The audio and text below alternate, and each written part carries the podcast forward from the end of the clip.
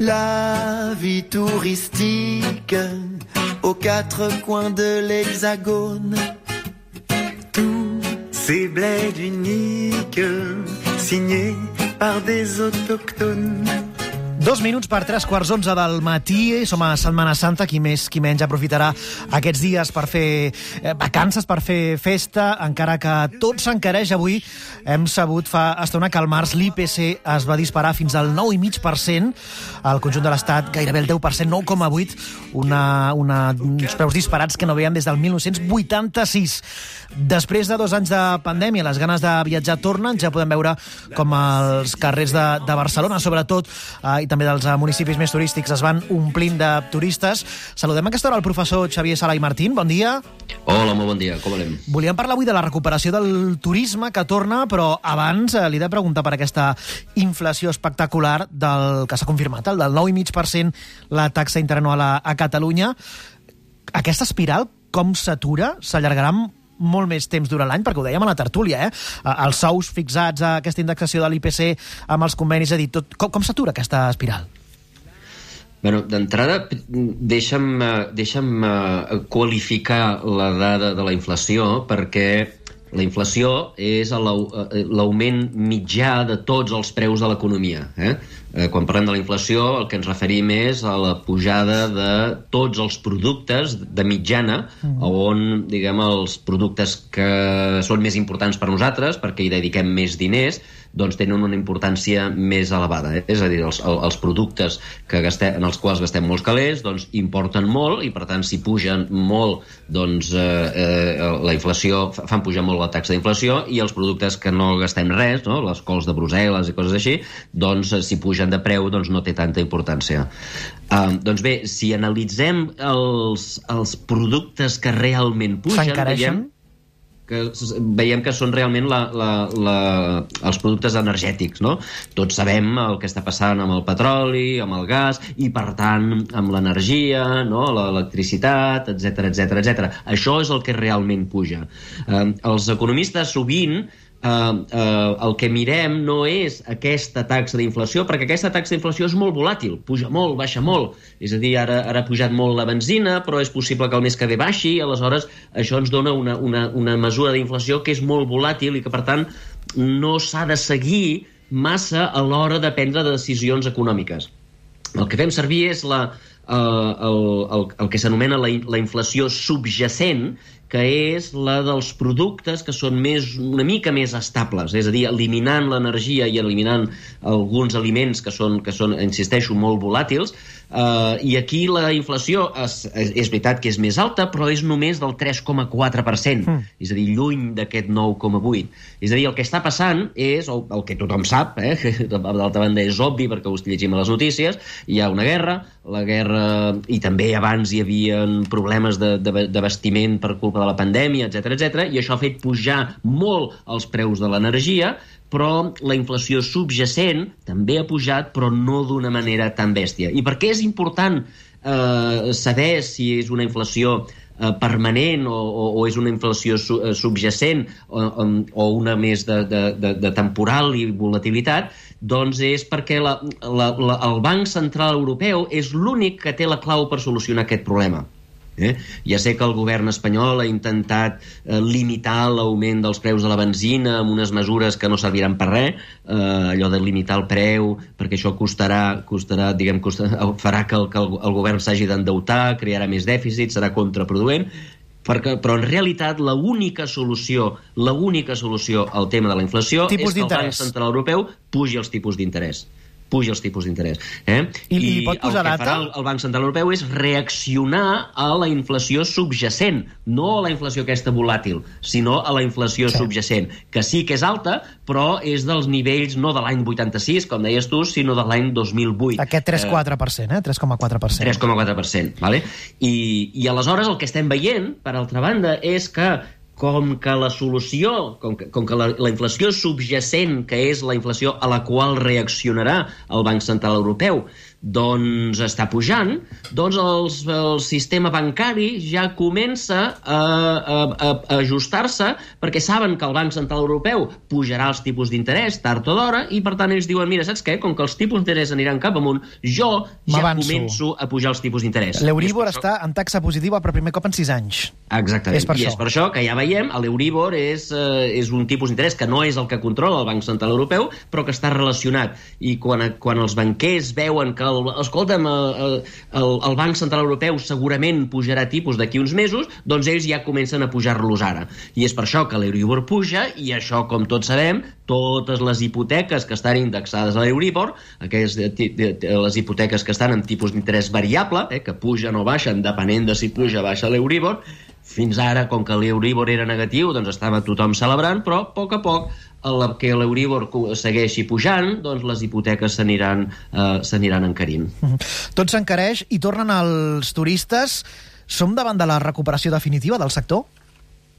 Doncs no ho sabem, no ho sabem perquè ja, ja, ja, ja, ja hem cantat que, diguem, ja, ja hem cantat victòria dues Moltes vegades, vegades abans, eh? Recordeu a l'estiu ja tot deia ja s'ha acabat la pandèmia, la pandèmia i va venir el Delta i després per Nadal ja s'ha acabat la pandèmia, s'ha acabat la pandèmia i va venir l'Omicron, no?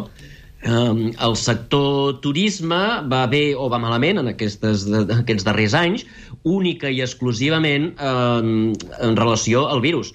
Quan hi ha virus, com que el sector turisme, per definició, és un sector de contacte humà, doncs és el més perjudicat quan intentem eh, lluitar contra el virus, perquè les eines a banda de les vacunes i dels medicaments que hem descobert d'una manera superintel·ligent, però la manera que tenim de lluitar fins ara ha sigut doncs, confinar la gent o limitar els viatges, limitar que alguns tipus de negocis puguin obrir. I aquests negocis són els negocis de turisme, eh? els parcs temàtics, els, eh, les discoteques, els bars, els restaurants, el, els avions, etc etc. no?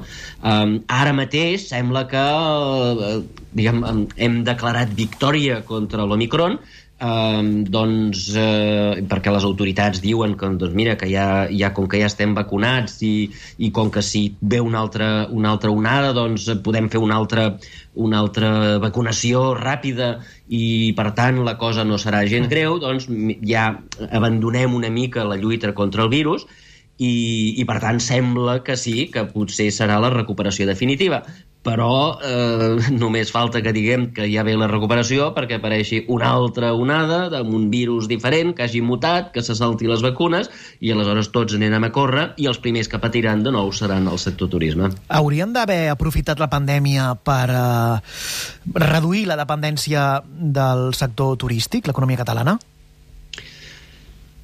A veure, eh, ja, ja, ja, a veure, el sector turisme, sector turisme eh, que ens va anar de conya quan érem un país pobre, eh, perquè, diguem, en relació a l'agricultura i, i el que teníem fa 60, 70, 80 anys, doncs el sector turisme era relativament... ens portava una riquesa bastant important. Ara és un, un, un sector que té un valor afegit molt baix, és a dir, paga salaris molt baixos, paga salaris inferiors al que paguen altres sectors com la, com la indústria, no? I, I, per tant, des de ja fa molt de temps que hi ha molta gent que diu, escolta'm, hem de reduir la, la importància que el turisme té en la nostra economia. Ara mateix estem l'economia depèn un, un, un 12% de l'economia, entre el 12 i el 15% de l'economia és, és eh, turisme, 12% si calculem amb el PIB, 15% si calculem amb els uh, salaris. Llocs de treball? Amb, perdona, amb llocs de treball, el qual indica que els salaris estan per sota de la mitjana del sí. PIB, eh? perquè sí. necessitem molta més gent per pagar el salari mitjà. Uh, I, per tant, uh, diguem, és un, és un sector de poc valor afegit, que paga salaris molt baixos, i des de fa temps que hi ha molta gent que diu oh, hem de reduir el turisme, reduir el turisme. Uh, I és veritat que hauríem de reduir uh, la importància del turisme. El que passa és que això no s'ha de fer eliminant o posant traves al turisme. Mm. Per què? Perquè si no hi ha un pla B, és a dir, si no hi ha llocs de treball alternatius per tota la gent que ara està treballant al turisme, eh, siguin xefs, siguin eh, eh, persones que, que, que fan llits als hotels, eh, guies turístics, etc si no els hi donem un lloc de treball alternatiu, aquesta gent se n'anirà a l'atur. I per tant el, diguem, el demonitzar el turisme eh, sense fer res per crear alternatives, jo crec que això pot ser contraproduent. Estan d'acord com estic que el que hauríem d'intentar d'alguna manera és que, que apareguin sectors nous, eh, sectors d'alt valor afegit. Um, o dit d'una altra manera, diguem, per reduir la importància del turisme en el conjunt de l'economia es poden fer un, dues coses. Una, la incorrecta, posar traves al turisme, eh, eh, eh, posar traves a la construcció d'hotels, posar traves al que vinguin turistes, etc etc. Eh, això destruiria llocs de treball i no donaria alternativa o dues, intentar mm, promocionar eh, altres sectors. I com es promocionen altres sectors? Doncs aquí s'han de fer reformes de tot tipus, s'han de eh, canviar el sistema educatiu, s'ha de canviar el sistema regulatori, s'ha de canviar el sistema financer, s'ha de permetre que la gent que té idees innovadores en sectors punta doncs la pugui implementar aquí en lloc d'anar-se'n a d'altres països. Eh, és així com es crea l'alternativa. Eh, castigar un sector sense donar alternativa alternativa, l'únic que crearà serà atur i misèria. I canviar el model, és a dir, no només buscar altres sectors, una reconversió, sinó eh, canviar el model de turista, és a dir, buscar un, un perfil de turista diferent que permeti eh, doncs, eh, millorar les condicions laborals, que, que el sector del turisme deixi de tenir aquests sous eh, més baixos eh, si ho comparem amb la mitjana. Sí, hi ha una alternativa, que hi ha dos tipus de turistes, no? El, el, el, el turisme... De sol i platja no? i xangleta, sí. Exacte, els borratxos de, de Lloret i de, i de, i de Salou, no? Els, els xavals aquests de 15 anys que venen aquí i que s'emporten les llaunes de sardines de casa i que es passen el dia i l'única despesa que fan és de, de gin tònics, no? Uh, I això, òbviament, la gent de Lloret i la gent de, dels empresaris de Lloret i els empresaris de Salou ja estan intentant lluitar contra aquest tipus de turisme perquè els hi aporta poc, aporta pocs calés, i hi ha altres tipus de turistes doncs, que gasten més calés i que, i que, i que sí que aporten una mica més de valor afegit, però fins i tot el turisme d'alt valor afegit és relativament pobre en relació al que són altres sectors com els sectors tecnològics, de telecomunicacions, biotecnologies, etc etc, que és jo que, el que crec que és el que hauríem d'apostar. Uh, dintre de les possibilitats del turisme, efectivament, hauríem d'intentar apostar pel turisme diguem que, que pels turistes que gasten més, pel tipus de turisme que gasta més, i en aquest sentit la, deixem, ja que, ja que estem parlant tot el matí de les, eh, tota la setmana o tot el mes de la guerra d'Ucraïna sí. aquí la cosa pinta malament perquè uns dels turistes, un tipus de turistes que eren els que més gastava uh, eren els turistes russos, eh? el, el, la gent del Passeig de Gràcia uh, que, que ven coses caríssimes doncs sortiran perjudicats perquè el turisme rus era un dels grans clients d'aquest tipus de negocis i en aquest sentit la guerra doncs, ens diguem, uh, perjudica un sector que ja estava perjudicat, com dèiem abans, per culpa de la pandèmia i dels confinaments.